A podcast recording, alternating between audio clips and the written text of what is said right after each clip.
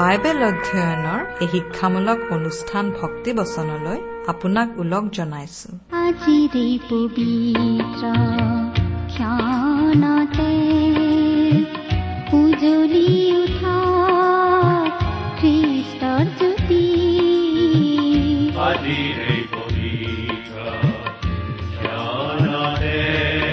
প্ৰিয় শ্ৰোতা ৰেডিঅ'টোৰ কাষত এইদৰে আজিও বহাৰ বাবে ধন্যবাদ।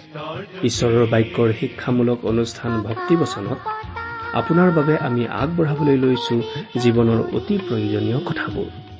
জীৱনটো সুকলমে নিৰাপদে আৰু আশীৰ্বাদপূৰ্ণভাৱে চলি যাবলৈ আমাক সকলোকে ঈশ্বৰৰ সহভাগিতা লাগে। ঈশ্বৰৰ লগত একেলগে থকা জীৱন এটাইহে জীৱনৰ প্ৰকৃত তৃপ্তি ভোগ কৰে। এই সহভাগিতা পাবলৈ আমি ঈশ্বৰৰ বাক্যৰ পৰা শিকিবলগীয়া আছে। সেয়েহে ভক্তিবচনৰ যোগেৰে আমি নিয়মিত বাইবেলৰ বাণীসমূহ আলোচনা কৰি আছো। আহকচোন। আজি আমি এই বাক্যৰ পৰা পৰৱৰ্তী অংশ শুনো। প্ৰভু যীশু মোৰ পৰিত্ৰাতা তেওঁৱেই জীৱনদাতা। জীৱন পথতো তেওঁৱেই সখা মোৰ জ্যেষ্ঠ ঘাতা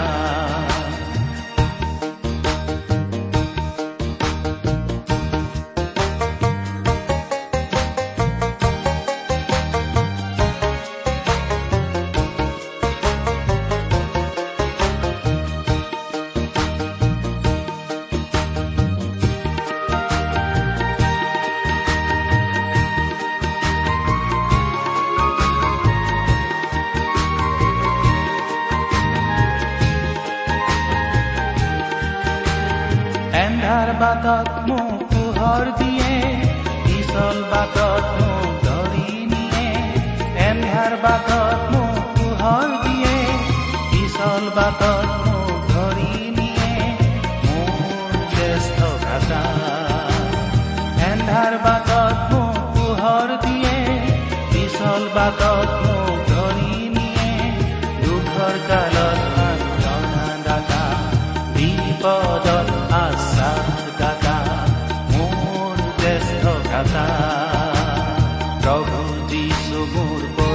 পৰিত্ৰাতা তেওঁৱেই জীৱনদাতা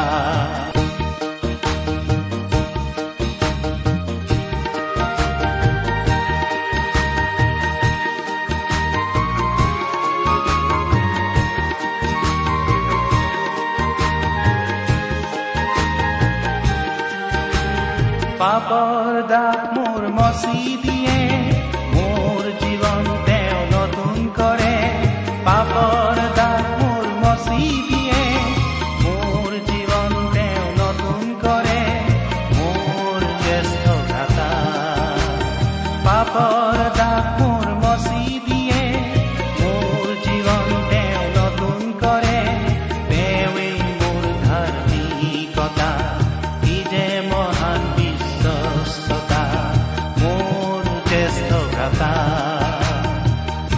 প্ৰভু যীশু মোৰ পৰিত্ৰাতা তেওঁৱেই জীৱনদাতা জীৱন পথতো তেওঁৱেই ভ্ৰাতা। মোৰ জ্যেষ্ঠ ভ্ৰাতা। মোৰ জ্যেষ্ঠ ভ্ৰাতা। আমাৰ পৰম পবিত্ৰ প্ৰভু যীশুখ্ৰীষ্টৰ নামত নমস্কাৰ প্ৰিয় শ্ৰোতা। আশা কৰো পৰম পিতা পৰমেশ্বৰৰ মহান অনুগ্ৰহত আপুনি ভালে কুশলে আছে। আপুনি আমাৰ এই ভক্তিপচন অনুষ্ঠানটো নিয়মিতভাৱে শুনি আছে বুলিও আশা কৰিছো। অনুষ্ঠান শুনি আপুনি কেনে পাইছে বাৰু? আপোনাৰ মতামত আদি জনাই আমালৈ চিঠি পত্ৰ লিখিবচোন। আহকচোন খন্তেক প্ৰাৰ্থনাত মূৰ্ণত কৰো হওক। স্বৰ্গত থকা অসুম দোৱালৈ কৰোণাময় পিতৃ ঈশ্বৰ। তোমাক ধন্যবাদ জনাইছো। কিয়নো তুমি আমাক আকৌ এটা নতুন দিন দেখিবলৈ দিলা। প্ৰভু তোমাৰ মহান বাক্য বাইবেল শাস্ত্ৰ অধ্যয়ন কৰিবলৈ আগবাঢ়িছো। তোমাৰ বাক্য তুমিয়েই আমাক বুজাই দিয়া। তোমাৰ স্পষ্ট মাত আমাক শুনিবলৈ দিয়া। এই অনুষ্ঠানৰ আৰম্ভণিৰ পৰা শেষলৈকে তুমি আমাক পৰিচালিত কৰা। আমাৰ মৰমৰ শ্ৰোতাসকলক তুমি উপচি পৰাকৈ আশীৰ্বাদ কৰা। কিয়নো এই প্ৰাৰ্থনা আমাৰ মহান ত্ৰাণকৰ্তা মৃত্যুঞ্জয় প্ৰভু যীশুখ্ৰীষ্টৰ নামত আগবঢ়াইছো।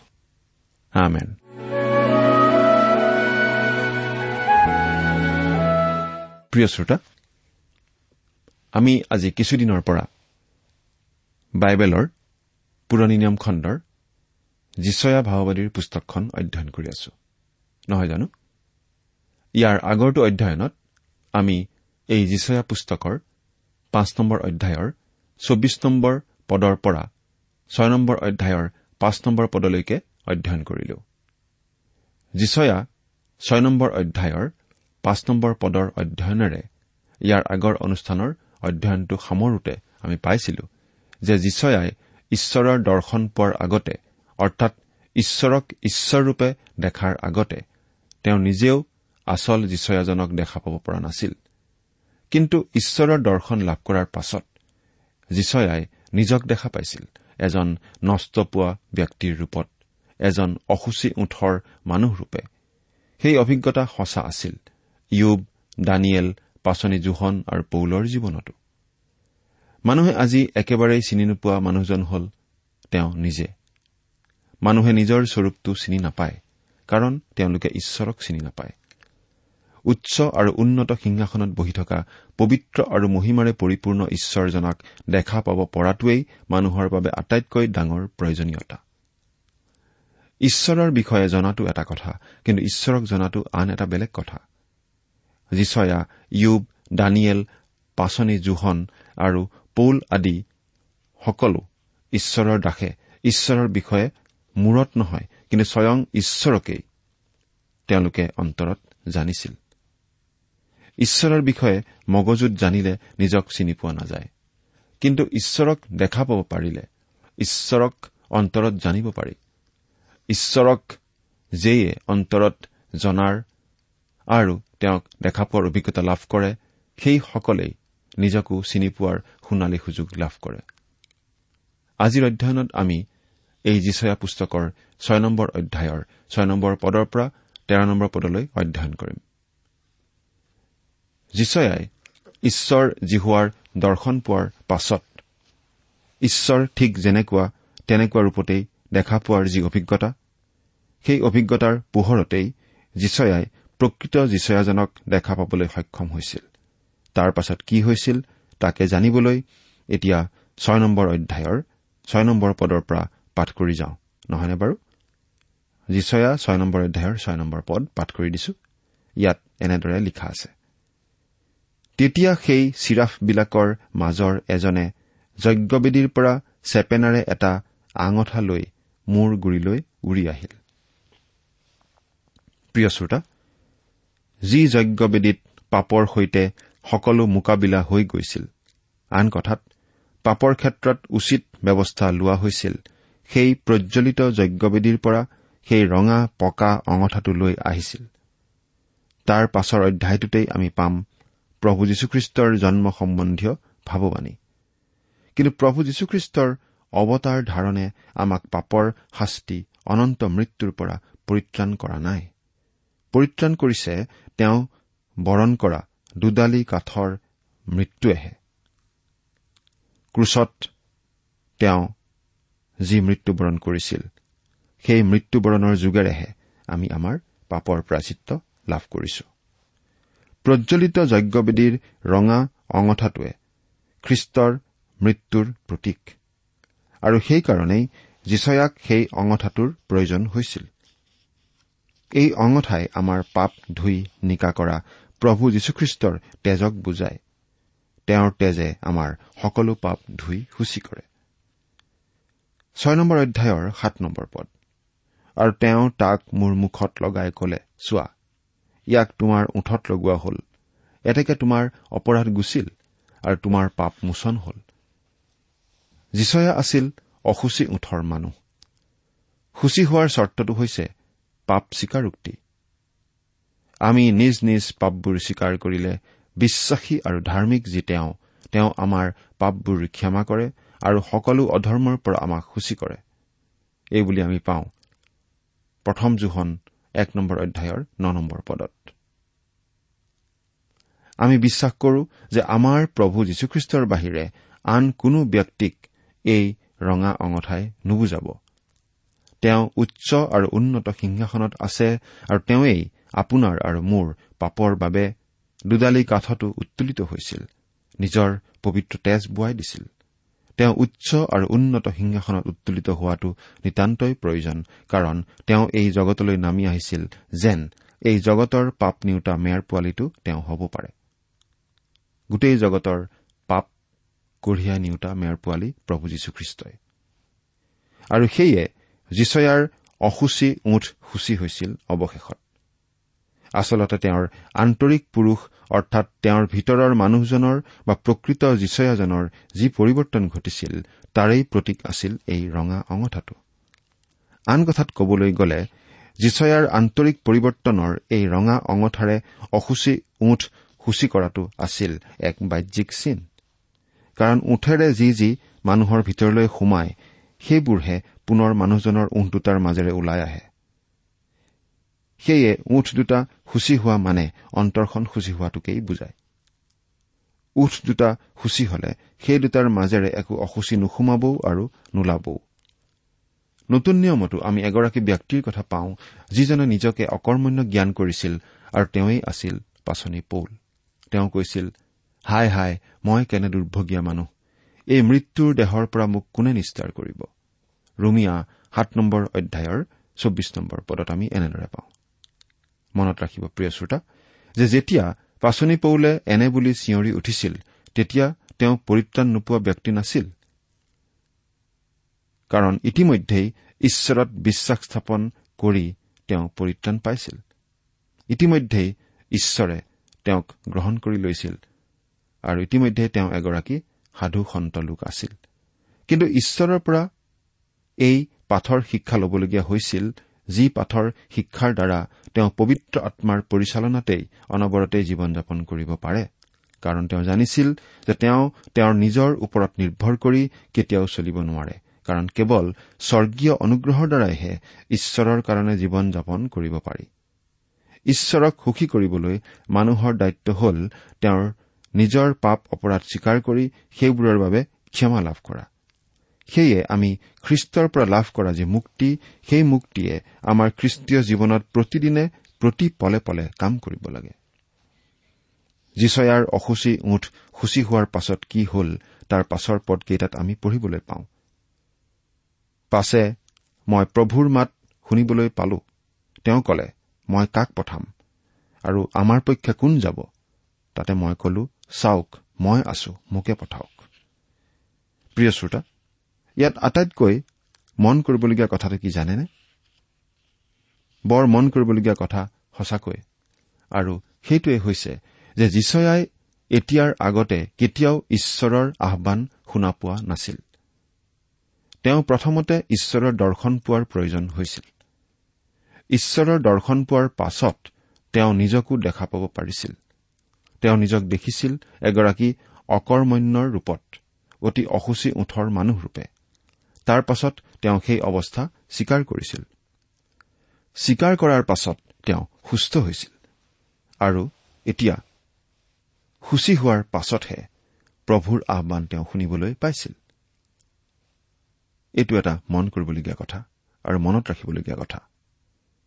বহুতো খ্ৰীষ্টীয় লোকে প্ৰভুৰ পৰিচৰ্যা কৰিবলৈ ওলোৱাৰ পাছতো প্ৰভুৰ আহানৰ কথাটো গম উপলব্ধি কৰিব নোৱাৰে।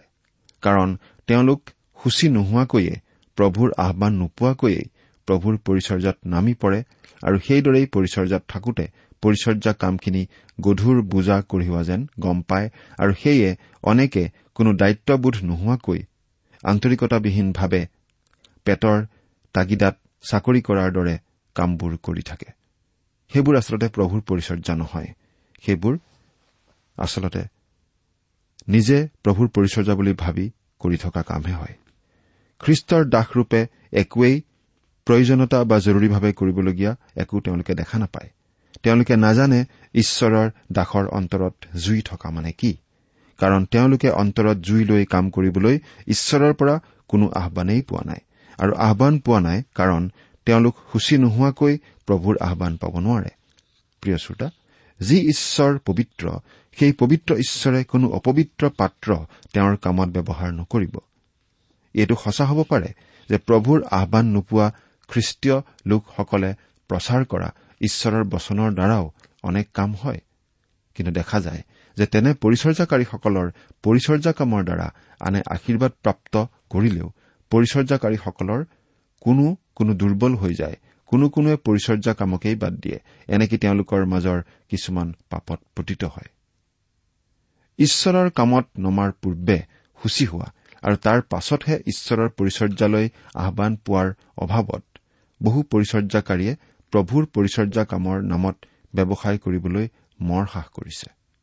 আচৰিত কথা যে এনেবিলাক পৰিচৰ্যাকাৰীৰ কোনো কোনো আকৌ মুধা ফুটা লোক হৈ জাকত জিলিকিবলৈ উঠি পৰি লাগে। মই কাক পঠাম? আমাৰ পক্ষে কোন যাব? যিচয়াই এই মাত ঈশ্বৰৰ পৰা শুনিবলৈ পাইছিল। ঈশ্বৰৰ আহানটোতো এটা মন কৰিবলগীয়া কথা দেখিব। সেইটো কি জানেনে প্ৰিয় শ্ৰোতা? ইয়াত এটা শব্দ এক বচনত আৰু আনটো শব্দ বহু বচনত ব্যৱহাৰ কৰা হৈছে। কোৱা হৈছে মই কাক পঠাম? আৰু তাৰ পাছত আমাৰ পক্ষে কোন যাব? ইয়াৰ অৰ্থ হৈছে ইয়াত তৃত্ব ঈশ্বৰ অৰ্থাৎ পিতা ঈশ্বৰ পুত্ৰ ঈশ্বৰ আৰু পবিত্ৰ আত্মা ঈশ্বৰৰ কথা লুকাই আছে। ইয়াত আৰু এটা কথা মন কৰক প্ৰিয় শ্ৰোতা। যিচয়াই জীৱনত প্ৰথমবাৰৰ বাবে আহান পায়েই প্ৰভুৰ আহানৰ প্ৰতি সঁহাৰি জনাইছিল। সূচী হোৱা ওঠৰ প্ৰতিগৰাকী ব্যক্তিয়েই সেইটো কাম কৰিব। অৱশ্যে সেই আহান ঈশ্বৰৰ পৰা হ'ব লাগিব। সভা সন্মিলনী অনুষ্ঠান প্ৰতিষ্ঠান গীৰ্জা খ্ৰীষ্টীয় পৰিষদ বা কোনো চিনদ আদিৰ হ'ব নালাগিব। অৱশ্যে বহু সময়ত প্ৰভুৱে গীৰ্জা বা পৰিষদ বা চিনেদৰ যোগেদিও তেওঁৰ কামলৈ আহান কৰে। কিন্তু আহান পাওঁতাজনে জৰুৰ গম পাব সেয়া ঈশ্বৰৰ পৰা নে মানুহৰ পৰা পোৱা আহান আমি বিশ্বাস কৰো যে আজি আমাৰ মাজত ঈশ্বৰৰ পৰিচৰ্যাকাৰীৰূপে থকা অনেকৰ অসুচী ওঠত ৰঙা অঙঠাৰ স্পৰ্শৰ প্ৰয়োজন হৈছে।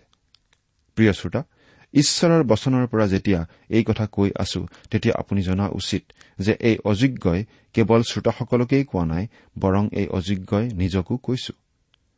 ঈশ্বৰৰ এই বচন অধ্যয়ন কৰাৰ ফলত এই অযোগ্যয়ো নিজক দেখা পাবলৈ সক্ষম হৈছো।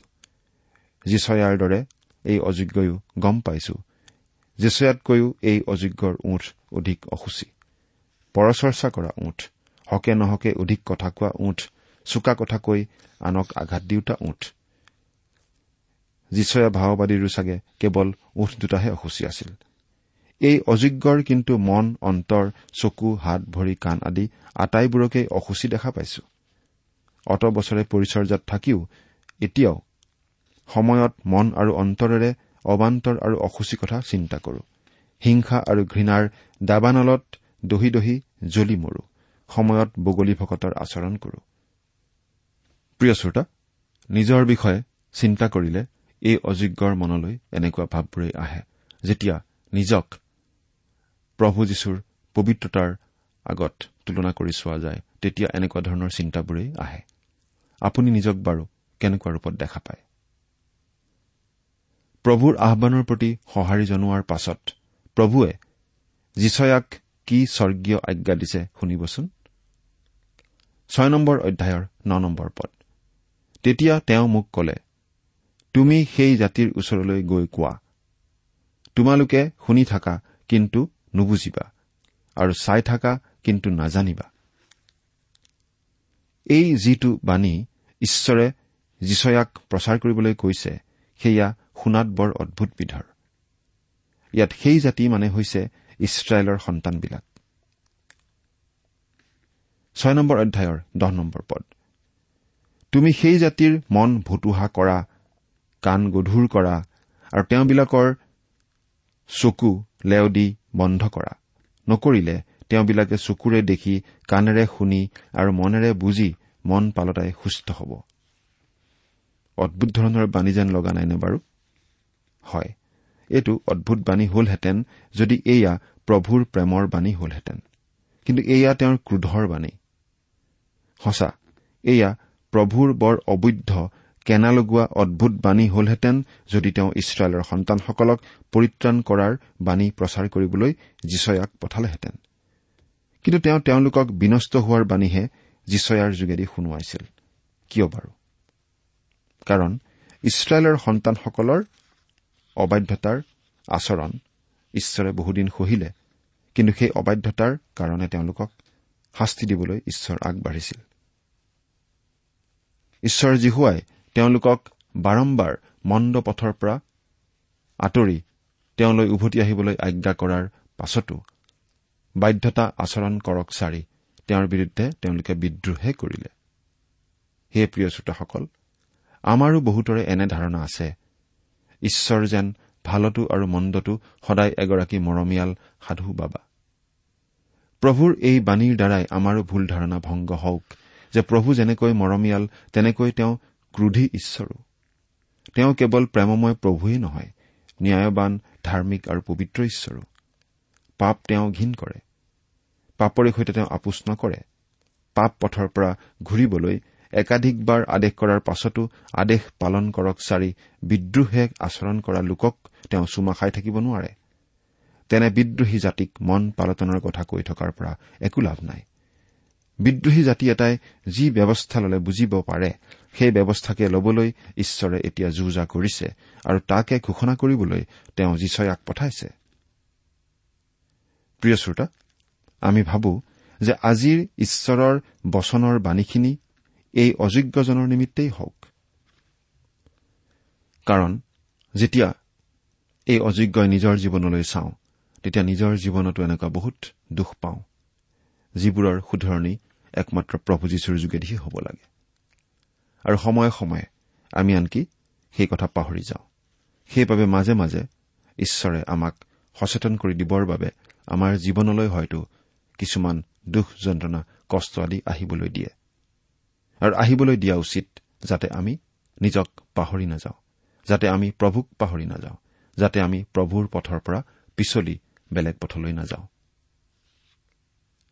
প্ৰভুৱে কাৰো অন্তৰ কঠিন নকৰে। কিন্তু জগতৰ যিবিলাক জাতি যিবিলাক লোক ইতিমধ্যেই পাপত মজি নিজৰ নিজৰ অন্তৰবোৰ কঠিন কৰি থৈছে। প্ৰভুৰ মংগলময় পৰামৰ্শ পোৱাৰ পাছত তেওঁলোকে তেওঁলোকৰ অন্তৰ কোমল কৰিব লাগে। তেওঁলোকে প্ৰভুলৈ পালতিব লাগে। চকু কাণ আৰু চিত্ৰ থাকিও যিসকলে নেদেখে নুশুনে আৰু নুবুজে তেওঁলোক বৰ দুৰ্ভগীয়া লোক। তেওঁলোক অবাধ্য অহংকাৰী আৰু বিদ্ৰোহী লোক।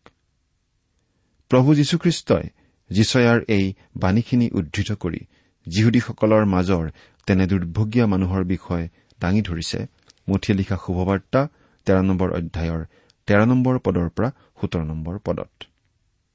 সেই পদকেইটা আপোনালোকে অনুগ্ৰহ কৰি নিজে পঢ়ি চাব। এতিয়াওতো সেইটোৱেই হৈ থকা নাইনে? এই অযোগ্যই কিমানৰ আগত ঈশ্বৰৰ কথা কৈছো? আমি হয়তো হিচাপ ৰখা নাই। আৰু আমি হিচাপ নাৰাখো। আৰু হিচাপ ৰাখিব লাগে বুলি আমি নাভাবো। কিন্তু অন্ততঃ যিসকলৰ আগত সৰগৰ অনন্ত জীৱন আৰু নৰকৰ অনন্ত মৰণৰ শুভবাৰ্তা প্ৰচাৰ কৰিলো তেওঁলোকে এনে ধাৰণা দিয়া দেখিলো যে চকুৰে ৰ লাগি চায়ো তেওঁলোকে যেন একোকেই নেদেখিলে। বৰ মনোযোগেৰে কাণ পাতি শুনিও যেন একোকেই নুশুনিলে আৰু চিত্তেৰে বুজিবলৈ চেষ্টা কৰিও যেন একোকেই নুবুজিলে। ইমান গভীৰ স্বৰ্গীয় জীৱনৰ শুভবাৰ্তা প্ৰচাৰ শুনাৰ পাছতো এই সকলো কথা একেই দিয়া এই বুলি পাল মৰা বিধৰ মন্তব্য কৰাহে আমি বেছিভাগ লোকৰ পৰা পাওঁ। গভীৰ জীৱনৰ গভীৰ বাণী অনন্ত জীৱনৰ অতি বহুমূল্য বাণী এনেকুৱা ধৰণৰ টুলুঙা চিন্তা নকৰা মন্তব্যৰ দ্বাৰাই তেওঁলোকে লঘু কৰি পেলায়। কেতিয়াবা ভাবি ভাবি আমাৰ আচৰিত লাগে। মানুহবিলাকেনো কিয় নুবুজে ইমান সহজ সৰল কথাখিনি তেওঁলোকে ইমান বুজোৱাৰ পিছতো কিয় নুবুজে সেইকাৰণেই যিচয়া ভাওবাদীক প্ৰভুৱে দেখাত শুনাত বৰ অদ্ভুত যেন লগা এই বাণী ঘোষণা কৰিবলৈ পঠাইছিল। জগতৰ মানুহ কিমান দিনলৈ এনেদৰে অবুজ হৈ থাকিব? প্ৰভু যীশুৰ কথা ইমান স্পষ্ট কথা শুনিও কিয় নুশুনা হৈ নুবুজা হৈ থাকিব? কিমান দিনলৈ এনেকুৱা অৱস্থা চলি থাকিব? যীশুয়াৰ লগতে আমিও সোধা এই প্ৰশ্নৰ উত্তৰ প্ৰভুৱে এইদৰে দিছে। যেতিয়ালৈকে নগৰবোৰ নিবাসী নোহোৱাকৈ আৰু ঘৰবোৰ মানুহ নোহোৱাকৈ উচ্ছন্ন নহব আৰু ভূমি নিচেইকৈ ধ্বংস নহব জিহুৱাই মনুষ্যক বহুত দূৰলৈ নিনিব আৰু দেশৰ মাজত অনেক পৰিত্যক্ত ঠাই নহব তেতিয়ালৈকে। কিন্তু সেয়াই নে কেৱল? তাৰ পাছতো ছয় নম্বৰ অধ্যায়ৰ তেৰ নম্বৰ পদ অৰ্থাৎ শেষ পদত এনেদৰে কৈছে।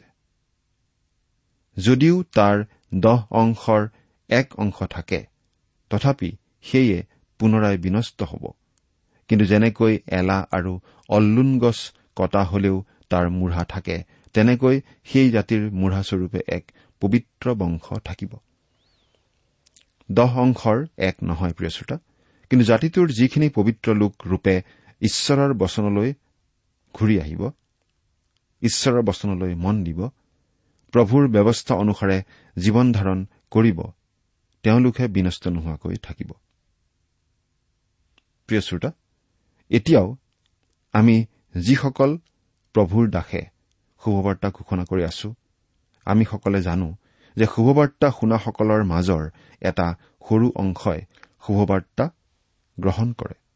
শুনে বুজে আৰু শুভবাৰ্তা গ্ৰহণ কৰি অনন্ত জীৱন বাছি লয়। প্ৰভু ঈশ্বৰে দান কৰা অনন্ত জীৱন গ্ৰহণ কৰা লোকসকলেই ধন্য লোক।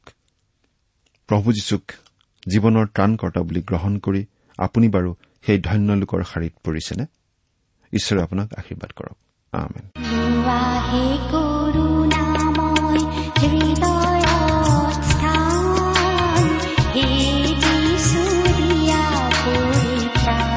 ইমান পৰে আপুনি ঈশ্বৰৰ বাক্যৰ পৰা শিক্ষা শুনিলে এই বিষয়ে আপোনাৰ মতামত জানিবলৈ পালে আমি নথৈ আনন্দিত হ'ম। আমি প্ৰস্তুত কৰা বাইবেল অধ্যয়নৰ চিডিসমূহ পাব বিচাৰিলে আৰু অনুষ্ঠানত প্ৰচাৰ কৰা কোনো কথা বুজিব লগা থাকিলেও আমালৈ লিখক। আমাৰ যোগাযোগৰ ঠিকনা ভক্তিবচন ট্ৰান্সৱল ৰেডিঅ' ইণ্ডিয়া ডাক বাকচ নম্বৰ সাত শূন্য গুৱাহাটী সাত আঠ এক শূন্য শূন্য এক। ঠিকনাটো আকৌ এবাৰ কৈছো ভক্তিবচন ট্ৰান্সৱল ৰেডিঅ' ইণ্ডিয়া ডাক বাকচ নম্বৰ সাত শূন্য গুৱাহাটী সাত আঠ এক শূন্য শূন্য এক। আমাৰ ইমেইল এড্ৰেছটো হৈছে Assamese T TV at the rate radio' eight eight two dot com আমাৰ website W W W dot T W R dot in আপুনি টেলিফোনৰ মাধ্যমেৰেও আমাক যোগাযোগ কৰিব পাৰে। আমাৰ টেলিফোন নম্বৰটো হৈছে nine eight five four zero' four zero' eight eight nine